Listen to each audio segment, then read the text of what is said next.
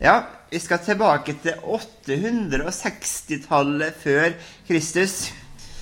Eh, og vi skal ha, eh, som jeg har sagt om, noen gang, eh, litt om eh, profeten Elia. Eh, og og sjøl om det er nesten ja, nesten 2900 år siden, så har jeg tenkt at det er noe der som er utrolig relevant, og minner litt om hvordan ting er i Norge i 2024. I hvert fall så tenker jeg at det gjør det, da. Eh, og eh, jeg, skal ha, jeg skal lese eh, disse tekstene med, med det fokuset som jeg har skrevet under, om det å følge Jesus i et samfunn som dyrker andre guder, som dyrker andre sannheter, som har andre verdier, som har en annen etikk, som holder andre ting for å være hellig enn det vi som tror på Jesus og vil tro på Bibelen, gjør, da. Eh, så eh, jeg skal lese eh, den teksten som jeg har satt opp øverst der. Eh, gjerne, gjerne slå opp i Bibelen og, og følg med eh, på den teksten. I det 38. året Asa var konge i Juda, ble Ahab, sønn av Omri, konge i Israel. Han regjerte over Israel i Samaria i 22 år. Ahab, sønn av Omri, gjorde det som var ondt i Herrens øyne, mer enn noen annen før ham.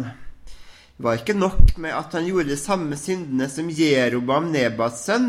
Han giftet seg også med Jesabel, datter til Etbal, sidonernes konge, og begynte å dyrke Bal og tilbe ham. I det Bal-tempelet han bygde i Samaria, reiste han et alter for Bal. Ahab laget også en Ashera-stolpe, og han fortsatte å gjøre Herren Israels Gud rasende. Han bar seg verre att enn noen av dem som hadde vært konger i Israel før ham. På Ahabs tid bygde Hiel fra Betel opp igjen Jeriko. Da han la grunnvollen, kostet det ham den eldste sønnen av Byrams liv, og da han satte opp portene, kostet det ham den yngste sønnen Segubs liv. Slik ble det oppfylt det ordet Herren hadde talt gjennom Josva, sønn av Nun. Elia fra Tishbe, en av innbyggerne i Gilead, sa til Ahab:" Så sant Herren, Israels Gud, lever, Han som jeg tjener. De første årene skal det verken komme dugg eller regn på mitt ord. Da kom Herrens ord til Elia.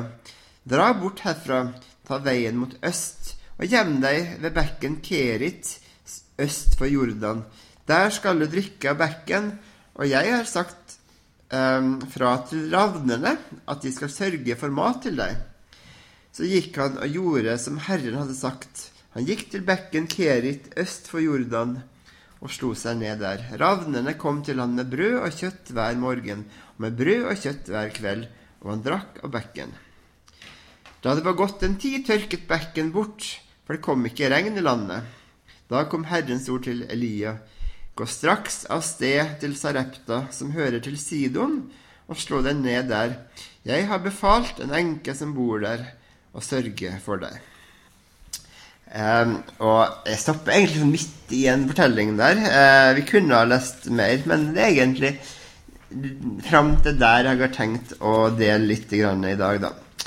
Uh, litt sånn bakgrunnsfortellinger her. Skal vi se om den her funker. Nei da. Jeg bare setter den. Sånn. Uh, herren Javé har inngått en pakt med israelsfolket. Eh, og pakten handler om dere skal holde loven, dere skal holde mine bud, dere skal holde Moseloven. Det er, det er utgangspunktet for forholdet mellom israelsfolket og Gud. Og i, i, sånn, i, i fag, eh, fagspråkverden akademia, eller hva man kaller det, så snakker man ikke om man snakker ikke om jødedom på en tid her, man snakker heller ikke om kristendom. Man snakker om javisme, som den religionen da, som var på denne tida. Eh, de dyrka javé. Eh, det her er lenge før jødedom og kristendom eh, var på tale. Vi snakker da om javisme. Men uansett hva vi kaller det Jeg vil bare at dere skal kjenne til det fagordet om den, den dyrkinga av Herren som var i Gamle testamentet. Eh, og glansdagene, kan vi si, var nå under kong David og kong Salomo, når Israel var ett og stort rike. Eh, men etter, eh, etter Salomo så ble kongeriket da delt i to deler. Det var kongedømmet Juda, egentlig. Så det her. Det tror jeg var litt senere, egentlig. Det ble kalt det. Eh, Juda eh, i sør og kongedømmet Israel i nord. Og kongedømmet Israel var det Nordrike var det største av de to. Det var storebror. Det var de ti stammene. Um, og eh, når det ble delt, så var Rehabeam konge i Juda og en som het for Jeroboam. Han ble konge, den første kongen i Israel. Og han Jeroboam eh, han var nevnt i den teksten som vi leste eh, i stad. Eh, han kom med en idé. Han ville at eh, altså Israelsfolket de måtte jo dra til Jerusalem de, for å dyrke Herren. Tre ganger i året skal alle jøder dra til Jerusalem på disse pilegrimshøytidene for å dyrke Herren.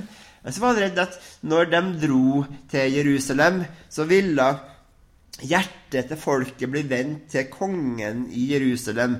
Så han tok noen grep for at, eh, at For å holde liksom, på lojaliteten til folket i Israel, så tok han et grep, og han bygde to helligdommer. To nye helligdommer. Eh, en helt i sør i Betel og en helt i nord, i Dan. Eh, og i de herre helligdommene sine så satte han med sånne gullkalver som de skulle dyrke og ofre til. Eh, disse gullkalvene eh, Det står ikke nevnt noe sted i Bibelen hva de kalte de. Det blir ikke kalt for Bal eller Asjera. Eh, det som det står, er dette dette er guden som førte deg opp fra Egypt. Han sa akkurat det samme som, som Aron sa i ørkenen. Dette er guden som har ført deg opp fra Egypt. Og vi vet navnet på den guden som førte Israel opp fra Egypt. Det er Herren. Javé, Herren. Så eh, eh, veldig mange bibelforskere mener at dette var en ny måte å dyrke Herren på. Det var ikke en ny gud. Det var egentlig en ny måte å dyrke Herren på. Eh, men ikke i tråd med Bibelen. Eh, så i eh, Jeg skal ikke lese det, men det står om denne nye javismen, da. Nye måten å dyrke Herren på. Til Jeroboam Eh, eh, leser vi om i eh, første kongebok 12.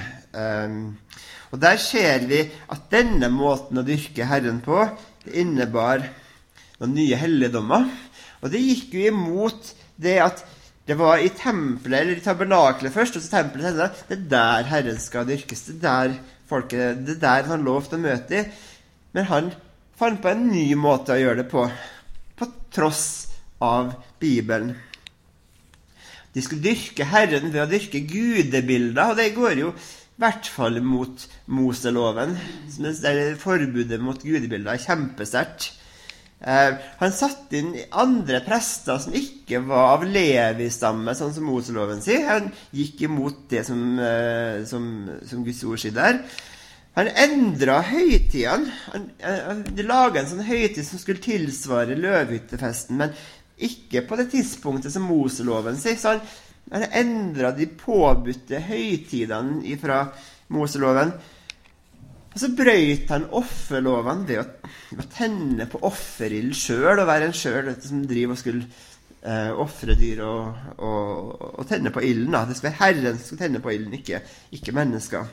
Eh, så eh, israelsfolket, eller i, i eh, Nordriket i Israel, de begynte å dyrke Herren på en ubibelsk måte, rett og slett. Og Bibelen er, altså Når du leser kongebøkene, så er det en sånn fortellerstemme som, som sier hva det her er. Og fortellerstemmen er klokkeklar. Dette er avgudsdyrkelse. Um, så uh, det leder meg til å si det er to typer av avgudsdyrkelse som vi kan lese om i Bibelen. For det ene siden så er det det vi tenker på, det å dyrke andre guder enn Herren. Om du dyrker Baal, Ashera eller, eller ja, Allah eller Buddha eller hva du dyrker, det er avgudsdyrkelse. Men i Bibelen så er det også avgudsdyrkelse å dyrke Herren uavhengig eller på tross av Guds ord. Du kan dyrke Gud, du kan dyrke Jesus så mye du vil, men er det på tross av Guds ord, så er det ifølge Bibelen avgudsdyrkelse. Du kan ikke dyrke Herren med løgn. Du kan ikke dyrke Herren med barneofringer eller et eller annet sånt. Det, det går ikke. Det, um, det får stempelet avgudsdyrkelse. Um, ok, tilbake til, tilbake til Israel og litt sånn den historiske konteksten. Um, Israel var uh, faktisk et ganske stort og relativt mektig rike på denne tida. Uh, hovedfienden til Israel det, var, det var fred med kongedømmet Juda på denne tida. Men fienden var arameerne i Damaskus, uh, som hadde også et ganske sterkt rike militært. og den hovedallierte er eh, sidonerne, eller fønikerne, som var den, det rike ved kysten der. Um, og fra et menneskelig ståsted så var det veldig sånn logisk, uh, logisk valg å alliere seg med de.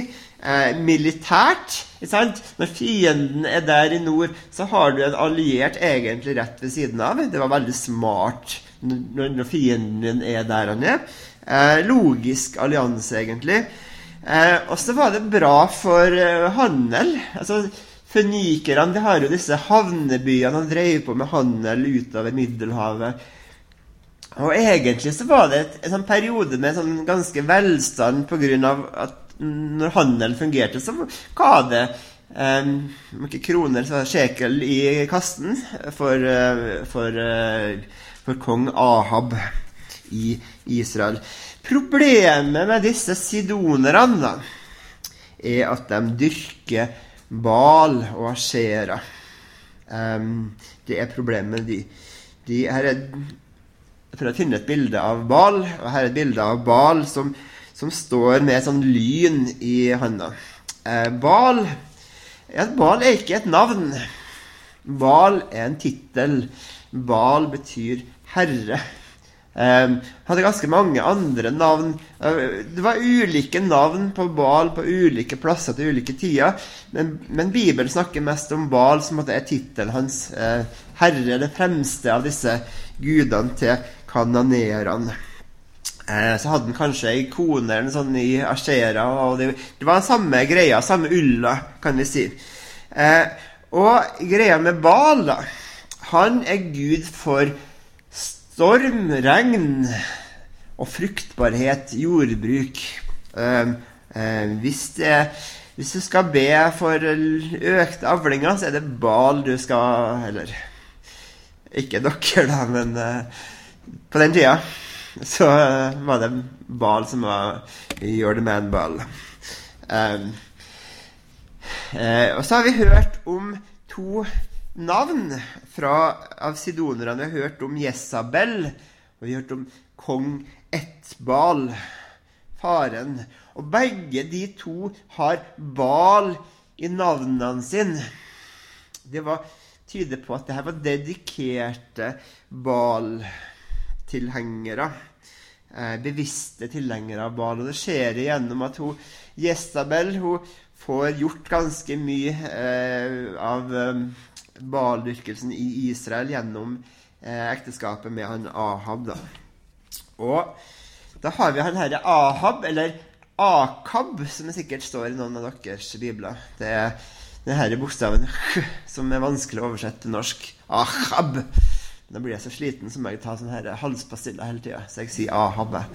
Um, uh, her møter vi Ahab, og han var Han var dårlig konge, mildt sagt. Han var en dårlig konge fordi Her er flere ting. For det første han var sønn av Omri. Han hadde et dårlig forbilde. Ja, hvem var Omri, da? Jo, eh, dere som har Bibelen opp, dere leser om han rett før i avsnittet rett før. Eh, om kong Omri står det Han gjorde det som var ondt i Herrens øyne, mer enn noen før ham. Så før Ahab så har liksom Omri prisen, pokalen på du, er verst av alle. Eh, og Ahab var hans sønn, hadde han som forbilde. Eh, og så står det med Ahab Ahab gjorde mer ondt enn noen før han. Altså da, Han var verre enn sin far. Så han var allerede ganske ille. når han var, Det står to ganger han var sønn av Omer for å hamre inn hvem han var. For det andre så står det han fortsatte med Jeroboams synder. Han fortsatte denne dyrkinga av Herren Gud løsrevet fra Bibelen. Han fortsatte i det. For det tredje så var det det som var dumt her, at de gifta seg med Jesabel, datter til Etbal. Ja, men hva var det som var så ille? Det, ok, det var ei dårlig dame, men gjør det Ahab så til en dårlig person? Eh, ja, Problemet er at hun var fra Fønikia, og de var kananera. Dere husker kanskje at Jesus møtte en kanoneisk kvinne som var fra samme område. Um, og kanonerene Moses han sa noen advarsler om bl.a. kanonerene litt, litt før i Bibelen. Um, skal vi se her Når Herren din Gud fører deg til det landet som han nå, vil, nå går inn i og skal legge under deg, vil han drive ut mange folkeslag for deg. Hetittene, girgasjittene, amorittene, kanoneerne, perisittene, hevittene og jebusittene. Så sier Moses, du må ikke slutte pakt med dem, ikke vise dem nåde. Du må ikke knytte slektsbånd med dem. Ikke gi din datter til hans sønn, og ikke ta hans datter til kone for din sønn. For de vil få dine barn til å vende seg bort fra meg og dyrke andre guder. Da vil Herrens harme flamme opp mot dere, og han vil snart utrydde deg. Eh, det var nesten sånn Moses jeg, sa det her om Ahab, virker som klart og tydelig. Det var uh, Ja. Ahab gjorde det som Moses sa at ikke de skulle gjøre, da. Videre, sant? Han dyrka Bal. Han bygde tempel for Bal. Han bygde en asherim, som er ofte oversatt med ashera, stolpe eller påle. Um, som også handla om å dyrke denne Baal-kulten. Um, så står det en ting som nesten sånn herre eh, hva, hva, gjør den tingen i fortellinga? En sånn rar ting i fortellinga. Det står at Jeriko ble bygd opp. Um, uh, nesten som en sånn parentes i fortellinga om Ahab og Elisha og Elia. Og det her. Uh, og ok, det var På den tida her så bygde man ikke opp en by uten at kongen hadde en finger med i spillet. Det er ganske rimelig å anta at Ahab en, sto bak det at Jeriko ble bygd opp. Det var ganske logisk å bygge Jeriko opp. Det var en sånn grenseby, strategisk plassert. Eh, problemet med Jeriko da, er det som vi leser om i Josva kapittel 6, vers 26. Den gangen lot Josva folket avlegge denne eden. Forbannet for Herrens ansikt er den som forsøker å bygge opp igjen denne byen, Jeriko. Når han legger grunnvollen, skal det koste ham det førstefødte. Og når han reiser porten, skal han miste den yngste. Um, både Ahab og Hiel fra Betel de, de viste full forakt for Herrens ord. Og på tross av Herrens bud bygde de opp eh, Jeriko. Og det gikk som det måtte gå. Men jeg, jeg, tenker at det er noe symbolsk i det her.